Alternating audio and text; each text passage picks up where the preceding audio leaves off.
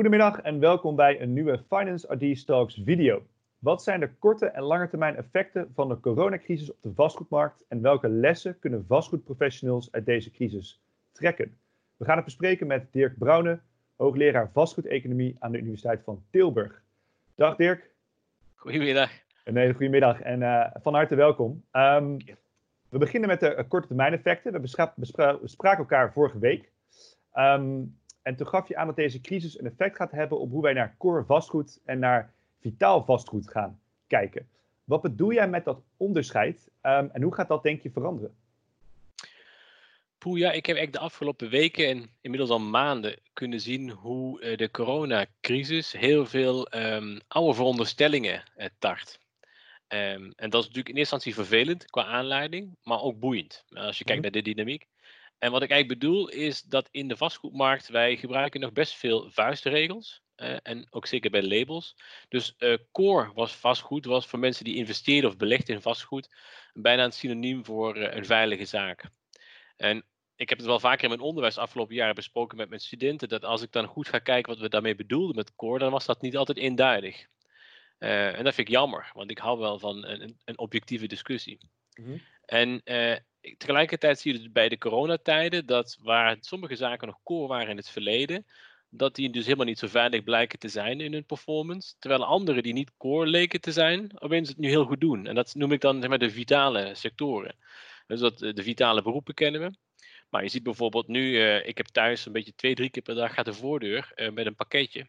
Mm-hmm. Zullen wel meer mensen hebben als ik PostNL mag gelo geloven, want ik moet ook wat langer wachten op de leveringen. Dat is een goed teken voor hun. Ja. Maar de logistieke, logistieke centra daarachter, ja, die zijn nu echt een vitale sector geworden. En net zo goed als supermarkten bijvoorbeeld. Hè. Dus de manier waarop we kijken, data warehouses, uh, dat zijn allemaal vitale vastgoedsectoren geworden. Die voorheen denk ik eerder uh, een ander label hadden gekregen. Terwijl het klassieke winkelvastgoed, retail, ja, dat is toch veel minder core ja. nu gebleken dan gedacht. Dus dat is niet zo vitaal eh, als, als we hadden als verondersteld. En, en dat bedoel ja. ik een beetje met de switch van wat wij dachten dat core was. Nou, wat is het nu eigenlijk vitaal als alles stilvalt? Mm -hmm. En met dat inzicht naar de toekomst toe denk ik dat er toch ook wel eens andere keuzes en definities gemaakt kunnen gaan worden. Oké, okay, dus die, die labeling van vastgoed moet aangepast worden. En door die, door, die, door die schok van die crisis eigenlijk zien we dat uh, echt naar boven komt drijven welke vastgoedsectoren wellicht echt belangrijk zijn uh, uh, in tijden van crisis. Op het moment dat het echt toe doet. Ja, ik heb toch ook wel het idee dat dit maakt sneller zichtbaar zeg maar, wat er al aan het veranderen was. Maar met alle respect voor de vastgoedmarkt, want ik maak er deel van uit, het is een conservatieve markt die niet heel erg transparant wil zijn. Dus het gebruiken van niet eenduidige definities die een hele oude oorsprong hebben, ja, dat wordt lastig. En als, ook als dingen dan veranderden, in het verleden ook voor corona, was het niet makkelijk om mensen, de hoofdrolspelers, te overtuigen om die labels eens te gaan verversen. Want daar waren ze zo aan gewend. En dit laat eigenlijk zien dat je die oude veronderstellingen, dat zijn niet je vrienden altijd. Uh, dat kan gevaarlijk zijn. Dat kan een bron van risico liggen. Als je te veel op oude veronderstellingen blijft koersen, denk ik ook dat je de komende jaren problemen gaat krijgen. Hm. Oké. Um, we hebben het ook uh, gehad over een, een andere uh, tak van sport die wellicht als wat conservatiever wordt gezien, namelijk de taxateurs. Mm. En ook daar uh, gaf je aan, gaan veranderingen ontstaan, of moeten misschien ontstaan, op korte termijn. Wat kan je ons daarover vertellen, Dirk? Ja, ik heb vorige week zelf ook een, een wij noemen dat corona-dialoog gehad met, oh, zo zal ik het netjes zeggen, een oud-gediende, Aart Hoordijk, een emeritus hoogleraar. Uh, en Aart heeft uh, al veel episodes meegemaakt uh, dankzij zijn um, ervaring. Ik had willen zeggen leeftijd, maar ik bedoel de ervaring. Hm. maar ik heb zelf ook nog wel een herinnering aan de Global Financial Crisis van 10, 12 jaar terug. en er zijn er ook eerder, de techbubbel was gebarsten. Het zijn allemaal episodes waarin er ook de economie kreeg tegenwind. En in de vastgoedmarkt wisten we niet helemaal goed wel hoe we ermee om moesten gaan. En, en taxateurs zijn belangrijk op die momenten, want die geven tussenstanden wanneer er nog geen transacties zijn. Transacties liggen doorgaans niet, hè, want er worden prijzen afgesproken in vrije wil. Maar taxaties geven dan eigenlijk tussenstanden. En in ieder geval de afgelopen keren bleek gewoon dat heel vaak nog gebruikt, gemaakt werd van ambachtelijke, ambachtelijke methodiek. Eh, referentiepunten werd dan heel vaak gezegd. Dat, ja, nu, nu valt de markt stil, ik heb geen referentiepunten. En dan werd gevoel wel heel belangrijk eh, in het werk van de taxateur. En daar heb ik wel eens wat moeite mee, want dat gevoel was soms erg vriendelijk. Mm -hmm. En ik ben niet voor uh, bloedige uitslagen hoor, maar als je te lang het, het, het, verlies niet neemt of Mhm. ontkent, dan help je het herstel niet. Ja. En ik denk dat in de vastgoedmarkt, ik hoop dat we nu, anno 2020, ook een hoop hebben geleerd van die vorige ervaringen. En er zijn alternatieven. En ik denk niet dat alles modelmatig gedaan kan worden, maar toch wel een heel stuk meer dan 12 en 20 jaar geleden. Ja. Ehm, en ik hoop ook dat in, in het herstel dat we nu gaan krijgen straks, dat taxateurs meer gebruik gaan maken van meer dan alleen de vuistregels en het gevoel uit het verleden. Want dat gaat helpen om het herstel te versnellen. Oké, dus dat bedoel jij met vriendelijk, hè? Dat, dat het vaak makkelijker is om eh, hogere waarderingen door te voeren als taxateur. En wellicht eh, eh, dat je wat terughoudender bent om waardedalingen door te voeren. Terwijl, zoals je aangeeft, dat wel belangrijk is voor herstel. Ja, ik kan wel een, een soort blooper in zekere zin van mezelf delen. Dat is misschien wel interessant om het concreet te maken. Altijd leuk. Bij ja. de vorige episode, 12 jaar geleden, kan ik me herinneren dat ik in Amerika was toen de kredietcrisis begon. En ik was op conferentie en ik was een dag te vroeg. En de dag eh, waar ik dus aanschoof was eigenlijk bedoeld voor mensen uit de praktijk. En het ging heel erg over taxaties. En eh, iemand maakte een kleine notitie op een bord over hoe sterk eh bruto aanwinstrendementen, noemen zij cap rates, kunnen stijgen in tijden van crisis. En hoe sterk huur kan dalen. En de combinatie van huur en bruto aanwinstrendement zagen zij als vuistregel, als basis voor een taxatiewaarde. En zij keken dus, eh, een bar kan een procent omhoog, anderhalf procent omhoog, huur kan met 10% dalen, 15%, zeg het maar. Alle combinaties werden doorgerekend in vier minuten tijd. Het was toen half negen ochtends. Ik zat achter in de zaal en ik bleek er helemaal niet te horen als wetenschapper. En vier minuten over half negen zei die man: Ik denk dus dat we rekening moeten houden met 40% verlies. Ehm, de vraag vandaag is: hoe gaan we dit overleven en wat gaan we daarna doen? Oh, Ja. Ik vond dat extreem inspirerend. Want met alle respect, de techniek die hij daar liet zien op dat whiteboard was niet feilloos. Dat is gewoon een vuistregel. Maar die wordt in opgaande markten iedere dag gebruikt. Zonder enig morren ook. Niemand protesteert. Ja. Toen ik terugkwam in Nederland, vroeg een journalist mij iets over taxaties. Ik vertelde hem deze anekdote. Je kunt nog steeds mijn naam googlen met dat ik een soort eh apocalyps voorspelde twaalf jaar geleden over hoeveel vastgoed aan waarde verloor. Dat heb ik nooit zo gezegd. Dit was eigenlijk wat ik net vertelde als eh, illustratie. Ik kreeg toen heel veel kritiek uit mensen van de vastgoedmarkt dat je niet dat soort verhalen moet vertellen op dat soort momenten. Dat is slecht voor de sfeer. Ik denk nou, het gaat niet om de sfeer. Ik denk net als een Amerikaan, misschien is het Anglo-Saxisch, soms moet je het verlies nemen en zien en na gaan denken over het herstel. En in Nederland hebben we heel vaak de neiging om het verlies wel te zien, maar dan in hele kleine porties op te dienen, waardoor je er gewoon heel lang over doet. Ja. Eh, dat heeft ons de vorige keer niet echt geholpen, heb ik de indruk. Ja. En ik, ik denk dat dat ook bewezen is in het verleden. Het is vaak beter om snel te zien waar je aan toe bent, zodat je de diagnose kan stellen en verder kan gaan met een herstel. ja, dus eigenlijk snel door die zure appel heen te bijten. En dat is niet leuk om te doen, hè? Taxateurs moeten dan slecht nieuws brengen, dat snap ik, dat is moeilijk. Dat wil niemand, ja. Oké, laten we dan naar eh, de langetermijn ontwikkelingen gaan kijken. Eh, wellicht eh, per sector, dus wonen, winkels, kantoren. Wat kan je ons kort daarover vertellen, Dirk? Ja, ik ben geen Ajij Bakas trendwatcher natuurlijk, hè, maar een aantal dingen zijn de open deuren. Hè. Ja. Dus zoals kantoren, ehm, ja, ik, ik- ik, spreek jou nu via eh, videoconferencing, dat doet op dit moment iedereen, dat is een nationale sport. En het begint ook steeds meer te bevallen, merk ik om mij heen. Dus ik heb ook wel erg het gevoel dat dit wel een vaster onderdeel gaat zijn in onze werkweek dan het was. Eh, dus ik denk dat dat voor de kantorenmarkt niet betekent dat we niet meer bij elkaar gaan komen in kantoorruimtes, maar dat we dat op een andere manier gaan doen op andere momenten. Want we hebben op dit moment fileleed ingeruild voor eh, teleconferencing. En dat blijkt heel effectief. Mhm. Dus ik denk dat de vraag naar, naar kantoorvastgoed blijft. eh, maar het zal veel meer gaan over de juiste mobiele locaties. Dat je weet dat je daar naartoe kan reizen.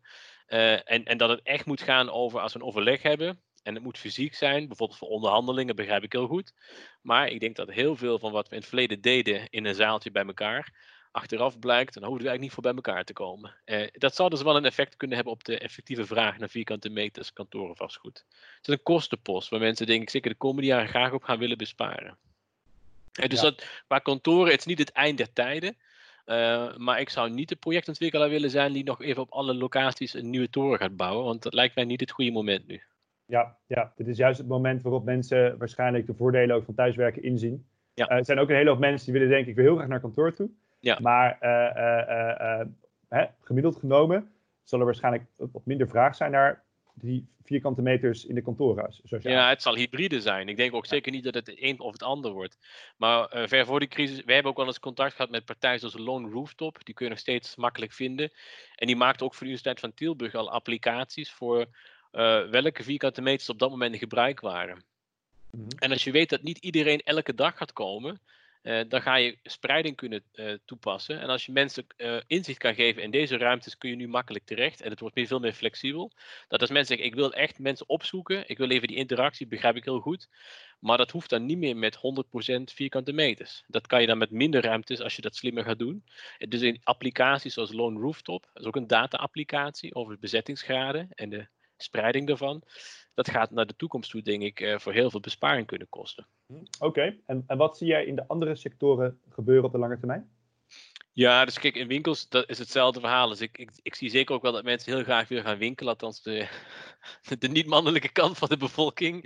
Ik, ik, mis het niet, moet ik eerlijk bekennen. Ik vind dat thuisbestellen prima. Hè? Ja. Zelfs broeken en onderbroeken. Maar daar kan ik waarschijnlijk nog feedback op krijgen dan van mensen in mijn omgeving. Maar ja, ik, ik, denk echt dat, dat wat we al zagen, dat e-tail eh, effect, hè, dat steeds meer online, dat zet door. Um, en de winkelmarkt had het dan niet heel makkelijk voor corona. Hè, dus het zal ook de komende periode lastig blijven.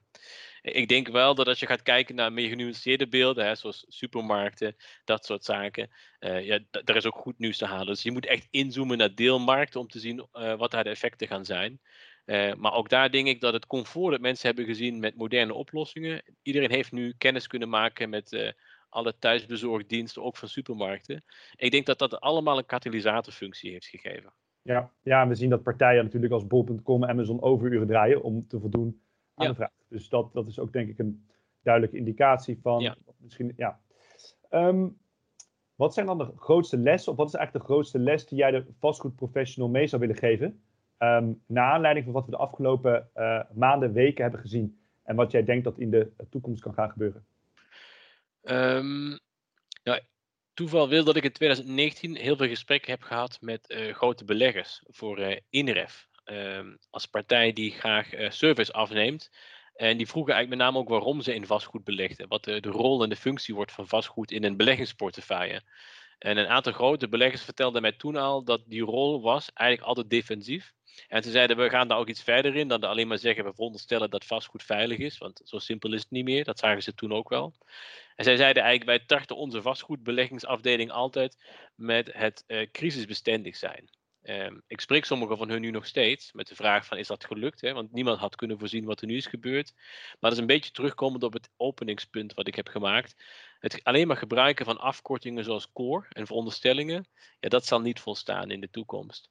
Uh, dus ik, ik denk zeg maar dat het heel belangrijk is dat als jij in de vastgoedmarkt actief bent, dat je niet te lang blijft hangen in oude denkbeelden. De mhm. markt verandert snel en de wereld en de samenleving verandert op dit moment heel snel. En ja, met horen niet graag als ik het zeg, maar ik beschouw de vastgoedmarkt als niet heel veel meer dan de facilitaire dienst. dus wij vinden onszelf heel erg gaaf en belangrijk, maar wij zijn er eigenlijk om de samenleving te dienen. Je hebt een huis nodig om te slapen, comfortabel. En uiteraard hoop je er ook wel iets van een band en trots mee te krijgen.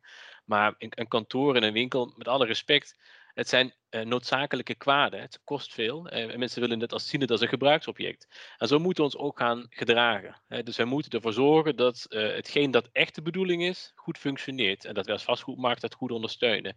Als die samenleving snel verandert, moeten mhm. wij bereid zijn net zo snel te veranderen, ons aan te passen. En dat is niet altijd gelukt in het verleden. Dus mijn les uit dit is weer, ja, wat ik net bedoelde ook met vitale beroepen en vitale sectoren. Ja, maak af en toe maar eens wat vaker de balans op, zodat als de wind weer gaat draaien, dat je niet verrast wordt door de consequenties. Oké, dus ik, ik proef eigenlijk dat jij bijna wil zeggen, het is een verantwoordelijkheid van de vastgoedsector om adaptief te zijn aan een snel veranderende wereld eigenlijk en aan zo'n crisis. Ja, wij moeten denk ik veel meer geïnteresseerder zijn in de wereld om ons heen dan, um, laat ik zeggen, de Provada op zichzelf. Weet je, in de Provada had ik altijd het idee als ik daar was, en ik kwam er wel graag, dat we heel erg blij waren om elkaar te zien. Uh, dat is leuk. Ik hou ook van persoonlijk contact. maar waar het eigenlijk over zou moeten gaan is, voor wie doen we dit allemaal? En wat gebeurt er in de wereld om ons heen? Het gaat mij helemaal niet zozeer om de panden en de projecten. Dat is hartstikke leuk, maar dat is een afgeleid product dus het heel belangrijk is dat we met z'n allen ervaringen delen, beelden en lessen delen over hetgeen wat er om ons heen verandert, waar we het voor doen, zodat we ook beter weten dat we ons werk beter kunnen gaan doen.